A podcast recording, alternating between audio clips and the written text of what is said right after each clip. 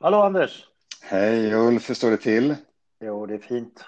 Sitter vid köksbordet och eh, ser eh, vintern tö bort tror jag, igen. Vi får se. Hur är det med dig?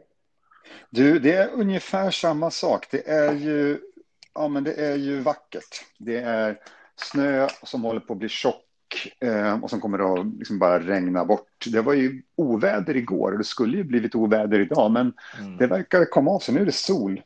Nu är det sol och väldigt fint. Uh, inte här än. Jag hoppas jag på det då. Ja, det kommer. Du, vad ska vi podda om idag? Idag ska vi prata om olyckspyramiden. Jaha. Eller olyckstriangeln. Olycks, ja, precis. Ja. Okej. Okay. Ja, det är jag nyfiken. Eh, så eh, berätta, vad är olyckstriangeln för något? Eller pyramiden? Olyckspyramiden, olyckstriangeln är ett bra sätt att konceptualisera hur, hur olyckor kommer. Jag brukar beskriva det när jag workshoppar. Mm. Um, att olyckor är lite grann som att ta, ta lotter. Fast istället för att man vinner någonting så, så, så förlorar man någonting. Mm. Okay. Så att om, om, om, om risken för en olycka är, vi gör det enkelt för oss, en på tio. Mm. Så tar du en lott, ja men då är det hyfsat safe. Då är det 90 procent chans att du klarar dig. Mm. Men är det så att du tar tio lotter, då ökar ju sannolikheten ganska snabbt mm. Att, du får en, eh, att du får en olycka. Olyckspyramiden handlar dels om, om vi tänker oss basen, handlar om hur många möjligheter man har att göra rätt och också möjligheter att göra fel. Så vet vi också att, att eh, allvarligheten i de här olyckorna um, varierar. Mm. Och, och, och, det blir liksom som en pyramid. Och man tänker sig att, att basen på pyramiden, det är olyckor som är eh, ja, men ganska ofarliga, som, som inte kräver någon läkarvård, som ja, men till exempel att man trampar snett och så har man ont några dagar och sen så läker det av sig själv, vi behöver inte uppsöka vård, men vi har faktiskt ont ett tag. Den typen av olyckor och skador inom arbetssäkerhet, där har vi ett enormt mörkertal. Där har vi faktiskt ingen aning hur, hur illa det är, hur många det är. Men vi vet att för varje av, av den här typen av olyckor så, så är det som att ta en lott till nästa steg som faktiskt är en olycka som kräver läkarvård eller sjukvård som också kräver någon form av produktions, mindre produktionsbortfall. Att ja, men man får vara borta någon timme och sen återhämta sig. Och på den nivån, när kommer vi upp på den nivån, då har vi också automatiskt en lott till nästa nivå där vi behöver ställa produktionen längre tid, eh, behöver mer vård, behöver mer um, sjukfrånvaro och så vidare. Och sen så bygger det upp en pyramid hela vägen upp till egentligen dödsolycka. Och det vi vet är att dödsolyckor, det är sånt där som, som vi får upp ögonen för. Men för varje dödsolycka så har vi en, en, en väldigt många fler väldigt allvarliga olyckor och ytterligare ännu, allvarlig, ännu fler mindre allvarliga olyckor och längst ner i pyramiden så har vi de här äh, som, som nästan, in, vi tänker inte på dem som olyckor men en skada. Och sen har vi ytterligare ett lager under, som vi kan se som under ytan, som vi inte reflekterar över. Och det är det vi kallar för nästan-olyckor eller near accidents. Alltså, jag går i en byggnadsställning, jag tappar balansen och håller på att ramla, men jag återfår balansen så att det blir aldrig någon olycka. Och det vi vet är när vi ska jobba med beteenden så ju större mängd av beteenden vi har att jobba med, ju större, ju lättare är det att, få en förändring. Och är det så att vi kan kapa hälften av alla de här nästan-olyckorna och liksom sortera bort dem, då kommer vi sortera bort hälften av exakt alla andra bekymmer hela vägen upp till, till olyckor med dödlig utgång. Och många gånger när jag är ute och pratar om det och när du och jag är ute och pratar om det så får vi ibland frågan så, men varför ska vi jobba med så bagatellgrejer som att hålla i eh, ledstången när jag går upp för trappan? Och här, här är egentligen svaret. Om, om, vi, om vi lägger fokus där, ja, men då kommer vi inte behöva jobba med dödsolyckorna. Därför att de, de, kommer att, de kommer att bygga bort sig själv med exakt lika mycket som vi bygger bort de här near accidents. Så här är varför olyckspyramiden är så otroligt viktig i vårt jobb, men också att den är så lurig för oss som jobbar med det. Vi blir, jag tycker vi blir hemmablinda och vi glömmer bort den, vilket gör att ibland står vi inför grupp som inte har det här aktualiserat. Och så förstår de inte, så det blir lätt att man, att man missar anledningen. Varför jobbar vi med de här till synes ganska bagatellartade säkerhetsbeteendena? Så därför vill jag prata om olyckspyramiden. Mm. Du, jag tänkte för de som inte har hört talas om den förut så behöver vi eh, visualisera den lite enkelt. Sådär. Försäkringsmannen Eh, Heinrich på 30-talet ville eh, se vad det var för samband då mellan dödsolyckor och eh, eh svår, svåra olyckor och mindre olyckor. Så han, han hittade den här relationen på en dödsolycka så var det 29 allvarliga olyckor och 300 eh, inte så allvarliga olyckor. Så 1, 29, 300, det var den här Heinrich-ursprunget. då. Han forskade då på industrin. 60-talet kom, Bird, eh, vet han? Frank Bird tror han hette, han utvecklade här som kallas också för Birds eh, pyramid eller triangel. Och han la ju till det här två moment till, precis som du var inne på nu under det här mindre allvarliga olyckor så, så hittar han ju nära, alltså nära ögat, near misses. Och, och även under det då så hittar han osäkra eller riskfyllda beteenden. Och där tänkte jag, där, där jackar ju beteendevetenskapen in ordentligt då, i den här stora, stora basen av hundratusentals riskfyllda beteenden så, kommer, så smalnar den sen av uppåt då. Eh, förbi nära ögat, mindre allvarliga olyckor, mer allvarliga olyckor, dödsolyckor. Då. Så det finns ett matematiskt samband, vet vi, mellan riskfyllda handlingar, ofta omedvetet, i basen på den här olyckspyramiden då, eller eh, Heinrich eh, Triangle eller Birds. Så att, så att vi vet, så att de som lyssnar vet vad vi pratar om, tänker jag. Ja, eh. och... Ja, förlåt, säg. Men, nej, men sen så tänkte jag när du, när du pratar så här. Jag tänker på det här med rapportering och rapportering av rätt saker. Jag kommer till organisationer där det är brist på rapportering och rapportering är just eh, så här nära-ögat-händelser eh, som är kanske eh, mest eftersatta och viktigast att få med sig. För att om man rapporterar de här nära ögat-händelserna, varje sån rapportering är ju ett tillfälle att lära sig någonting så att man skyddar andra och sig själv i framtiden. Så det är ett lärtillfälle som man får. Men så kommer jag till eh, organisationer där de inte har fått igång rapportering och sen så, så målsätter rapportering. Man måste ha minst tre rapporteringar per vecka. Och, och det får två effekter. Dels arbets, alltså arbetarna eller operatörerna eller de som har att rapportera, de blir irriterade för att man rapporterar till slut nonsens saker därför att målet är tre inrapporteringar i veckan. Så till slut är det som att man rapporterar vad som helst bara för att uppfylla målet att rapportera. Och det är till slut som att sätta ett plåster på hel hud. Det blir, det blir löjeväckande. Och i andra ändan så har jag en, en teamledare eller en chef eller en säkerhetsavdelning som inte ta, orkar ta emot alla inrapporterade händelser. Så att, eh, när du pratar om den här olyckstriangeln, då, jag kommer hela tiden in på den här basen då, att rapportera förhållanden och sådana här riskfyllda nära ögat-saker eh, som är jätteviktiga, men det måste vara relevanta. Och då kopplar jag det här med att mm. hålla handen i, på ledstången som du pratade om. Mm. Det kan vara jätteviktigt på pappersbruket där man har just den här trappen eller de här maskinerna där det är obra att, fa att falla för man ramlar ner i maskinen och sånt där.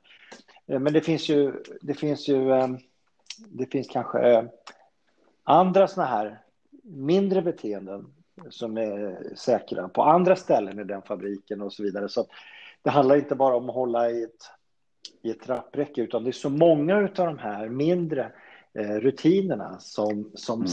de ser så triviala ut, men tillhopa, ihop så blir det en, ett, ett stort mått av förebyggande beteende.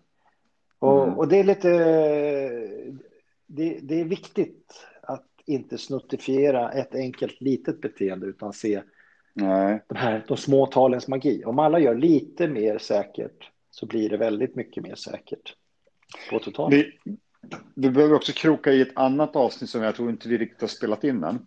som heter? ja, men vi har varit inne på förankring tidigare. Mm. Men, men eh, om vi tittar på att vi ska jobba med basen i pyramiden, de här till synes bagatellartade beteendena, mm.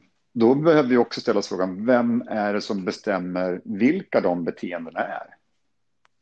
Och det är inte ledning och det är inte, det är inte konsult, utan det är ju medarbetarna.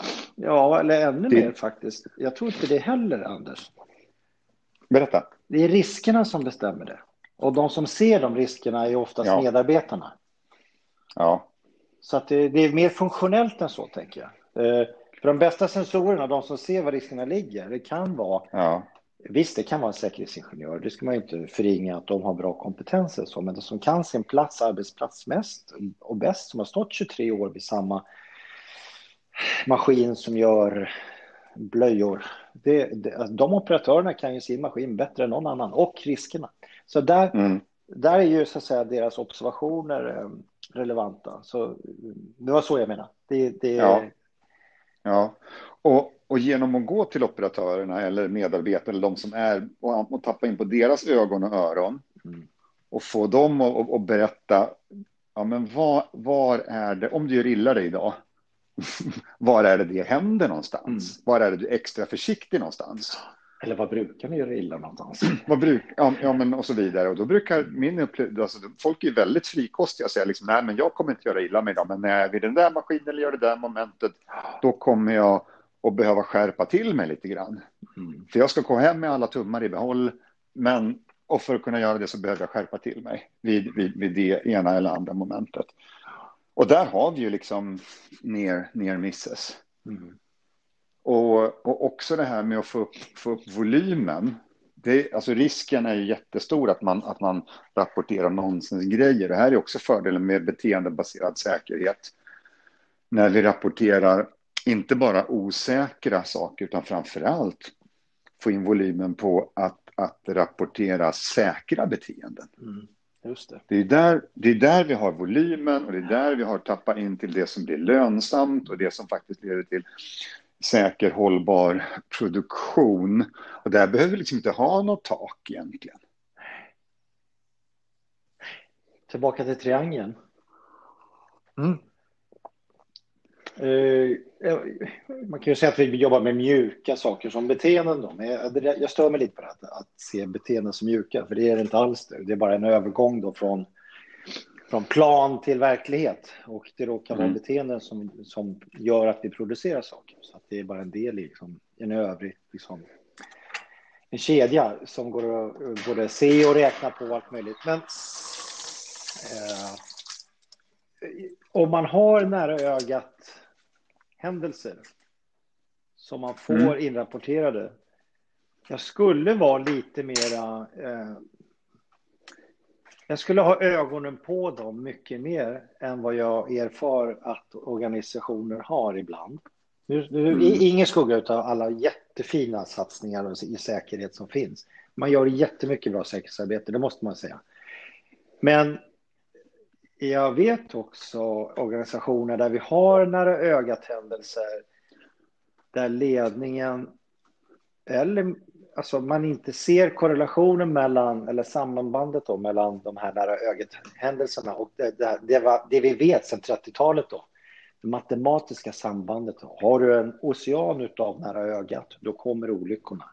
Och har, kommer mm. olyckorna så kommer när, de här riktigt allvarliga incidenterna. Så det är mer, det är inte fråga om om, utan om när. Mm. Det vet vi. Ja, det, ja och där kommer, där kommer vi in på spelteori, tänker jag. Mm. För olyckor, alltså om, om vi jämför med ett kasino, och säger olyckorna är ju banken. Mm. Och banken kommer liksom alltid att vinna i, på, på, på långa loppet. Ja, och det går liksom så här, men det, det kommer liksom alltid komma olyckor. Det är jättedeppigt, men så är det ju. Det finns ju mm. ofta fel fokus. Eh, om vi säger um, ett, ett sätt att minska olyckorna till noll, det är faktiskt att lägga ner verksamheten. Ja. Om, om, om vi lägger... Ja, men, så här, men alla får gå hem. Eh, nu, nu, nu producerar vi ingenting. Vi, ingen behöver gå i några trappor, ingen behöver stå i några maskiner, ingen behöver fälla några träd. Då kommer vi inte ha några olyckor. Och, och när vi har olyckspyramiden så behöver vi också kunna se hur, hur den, hur den ja, så att vi kan jämföra om vi blir mer säker eller mindre säker över tid. Till exempel ett, ett, en, ett företag som har eh, ja, men 10 olyckor år 1 och 20 olyckor år 2 för att kunna liksom jämföra de här talen behöver vi också jämföra med hur många, eh, hur många arbetade timmar vi har år ett och år mm. två. Är det lika många timmar, ja, men då är, det, då är det illa. Då är det en fördubbling. Men är det så att man arbetar dubbelt så många timmar, ja, men då är det ingen skillnad. Är det så att man arbetar mer än dubbelt så många timmar år två, ja, men då har vi faktiskt statistiskt sett en minskning.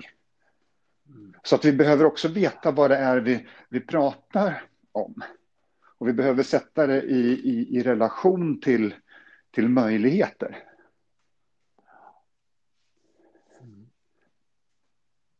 Det är ungefär som att säga att nu har vi blivit bättre på att inte gå på isen, för vi har inte haft några drunkningsolyckor på isen.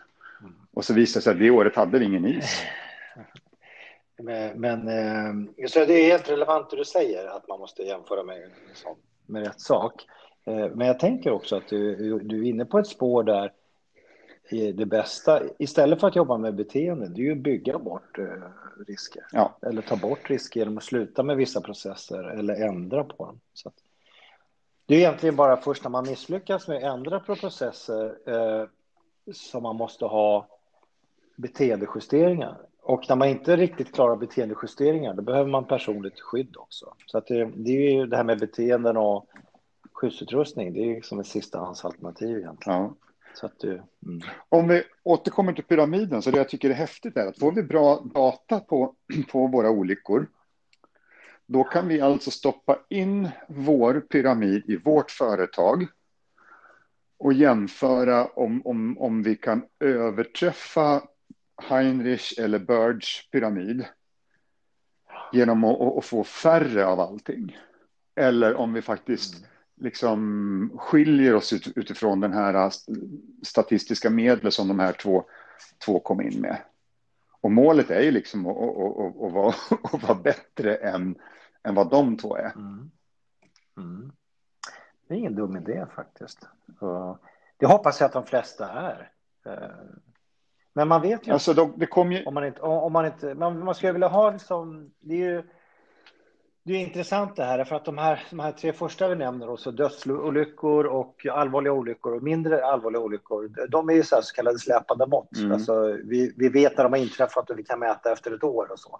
De här andra sakerna, de är lite knivigare för organisationer eh, att ha koll på. Om man inte har bra rapportering på nära ögat, då vet man ju inte eh, mm. eh, hur många de är.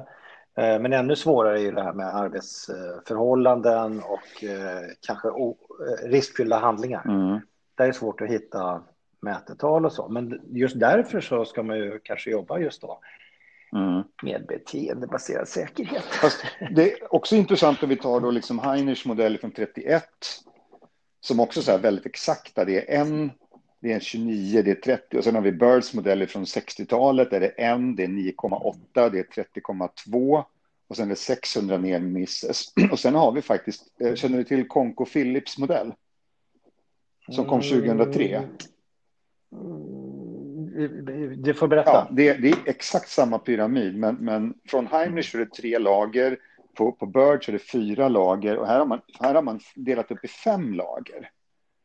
Då är det mm. eh, fatality, lost workday, recordable injuries, near misses och at risk behavior. Där går det från 1, 30, 300, 3000, 300 000. Och när man lägger de här pyramiderna från 30-talet, 60-talet och, och, och 2003 så liksom, ja, men proportionerna är i princip de samma. Sen är det liksom så här, ja, men det, är på, det är på decimalen som det diffar. Mm. Och det, liksom, det har hänt jättemycket teknolog, teknologiskt från, från, från 1931.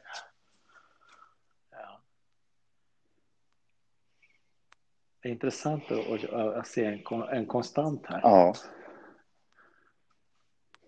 Faktiskt. Men, men hur lite vi ändå jobbar med. Jag tror att de här pyramiderna tyvärr kan missanvändas. Att man jagar osäkra handlingar. Istället för som du var inne på, om man jobbar med beteendebaserad säkerhet, så jagar man ju främst inte osäkra handlingar, utan man flödar ju istället systemet med säkra eller förebyggande handlingar. Mm. Så att det är så lätt, det är så lätt att använda en sån här pyramid för att förbjuda saker. Men igen, det, då har man ju liksom missförstått hur motivation funkar. Eh, bättre att vända på det då till ja, men vilka, vilka säkra handlingar förebygger de här riskfyllda handlingarna. Mm. Det, är det, det, är det jag tycker. Det, det, är en, det är en viktig angle eller vinkel på det här med hur man använder de här pyramiderna eller trianglarna. Ja. Men du, nu är tiden slut. Yes. Vi får inte prata längre. Vi har sagt inte längre än så här. Nej, vad, vad, vad tar vi med oss från idag? Kort sammanfattning. Eh, nej, jag, tyck, nej, men är, jag tycker eh, om att du tar upp den här som jag och kanske du också tar lite för given, den här olyckstriangeln eller Heinrich-pyramiden. Eh, vi, vi glömmer kanske att berätta om den ibland, att det finns ett matematiskt samband mellan mindre olyckor, allvarliga olyckor och dödsolyckor. Och i basen på det så finns det då eh, nära ögat och arbetsmiljö och eh, riskfyllda handlingar. Den, den kanske är allmänt känd, men på många ställen dit jag kommer så har man aldrig hört talas om det. Och då har den funnits sedan 30-talet. Mm. Så det, jag tycker det är... Eh, här hittar man bra skäl till eh, vad man ska jobba med mm. Eh, och vad man ska leta efter. Ja. Så jag, det, min takeaway idag det är bara att du nämner den. Ja. Vad säger du? Um, det är inte bara ett matematiskt samband utan det är faktiskt ett kausalt samband. Och här har vi en fin grej. Är det mm. så att vi minskar eh, observation, alltså antalet långt ner i basen men inte får någon skillnad längre upp i pyramiden. Då, då är vi ganska säkra på att vi har ett mätfel. Så vi kan också använda det här på så många olika sätt. Mm. Är det så att dödsolyckorna eller allvarliga eller sjuktalen inte går ner, men vi minskar de här grejerna, nej, men då är det, då är det mätfel som spökar, vilket det, det många gånger är. Så, vad ska du, göra, vad ska du hitta på nu? Nej, men det är fredag. Ja. Så det är den här fredagskänslan. Eh, ska göra någonting lite extra då, tror jag. Eh, men efter ett eh, hårt träningspass. Jag ska börja med att köra, förnya mitt träningskort. Mm. Mm. Och du då? Um, ja, men jag, ska väcka, jag jobbar hemma idag så jag ska väcka min tvååring som ligger och, och snusar här och sover lite middag. Och sen så ska vi nog gå ut och njuta av snön, hur den regnar bort. Kramsnö. Ja. Ja. ja, men du, eh, ha en fin eh, vecka då. Ja, men detsamma du. Vi hörs snart igen. Ja. Hej. Hej.